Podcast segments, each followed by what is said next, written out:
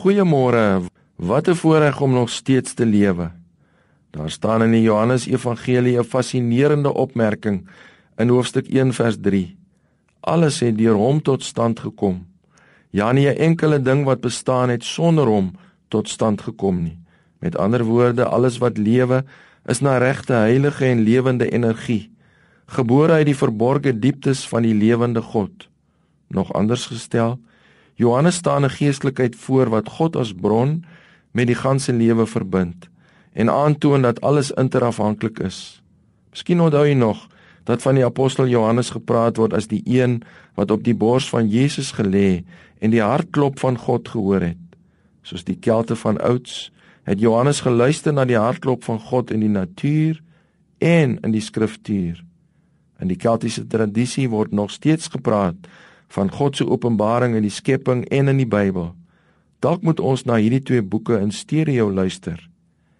Ek het my voorgenem om met groter oorgawe in 2014 na die wonder van God in die skepping te luister.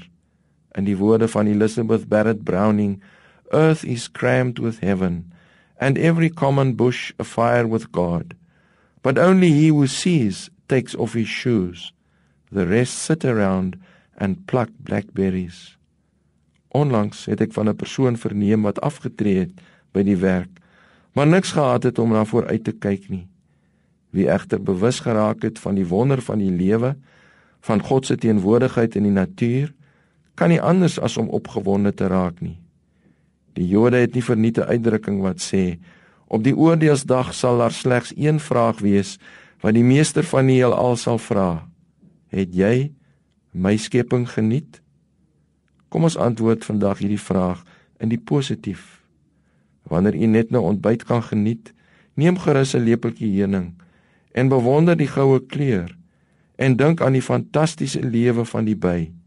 Maar dink ook daaraan dat 'n lepel heuning die lewenstaak van 12 bye is en dat om 500 gram heuning te produseer, bye 3 miljoen blomme moes bestuif en dit hulle 3 maal rondom die aardbol geneem het.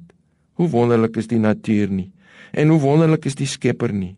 Bepeins dit en praat vandag met iemand daaroor. En moenie vergeet om soos die apostel Johannes gereeld na die hartklop van God te luister nie. Kom laat ons bid. Heilige God, maker van alles wat bestaan, saam met mense oral oor die aarde bely ons u liefde en goedheid as die bron van alles wat leef en beef. Saam met die hele skepping vier ons die misterie en wonder van die lewe. Baie dankie vir die kragtige werking van u wil in die ganse kosmos. Maak u volgelinge se tonge los, Here, sodat ons monde u lof kan verkondig. Amen.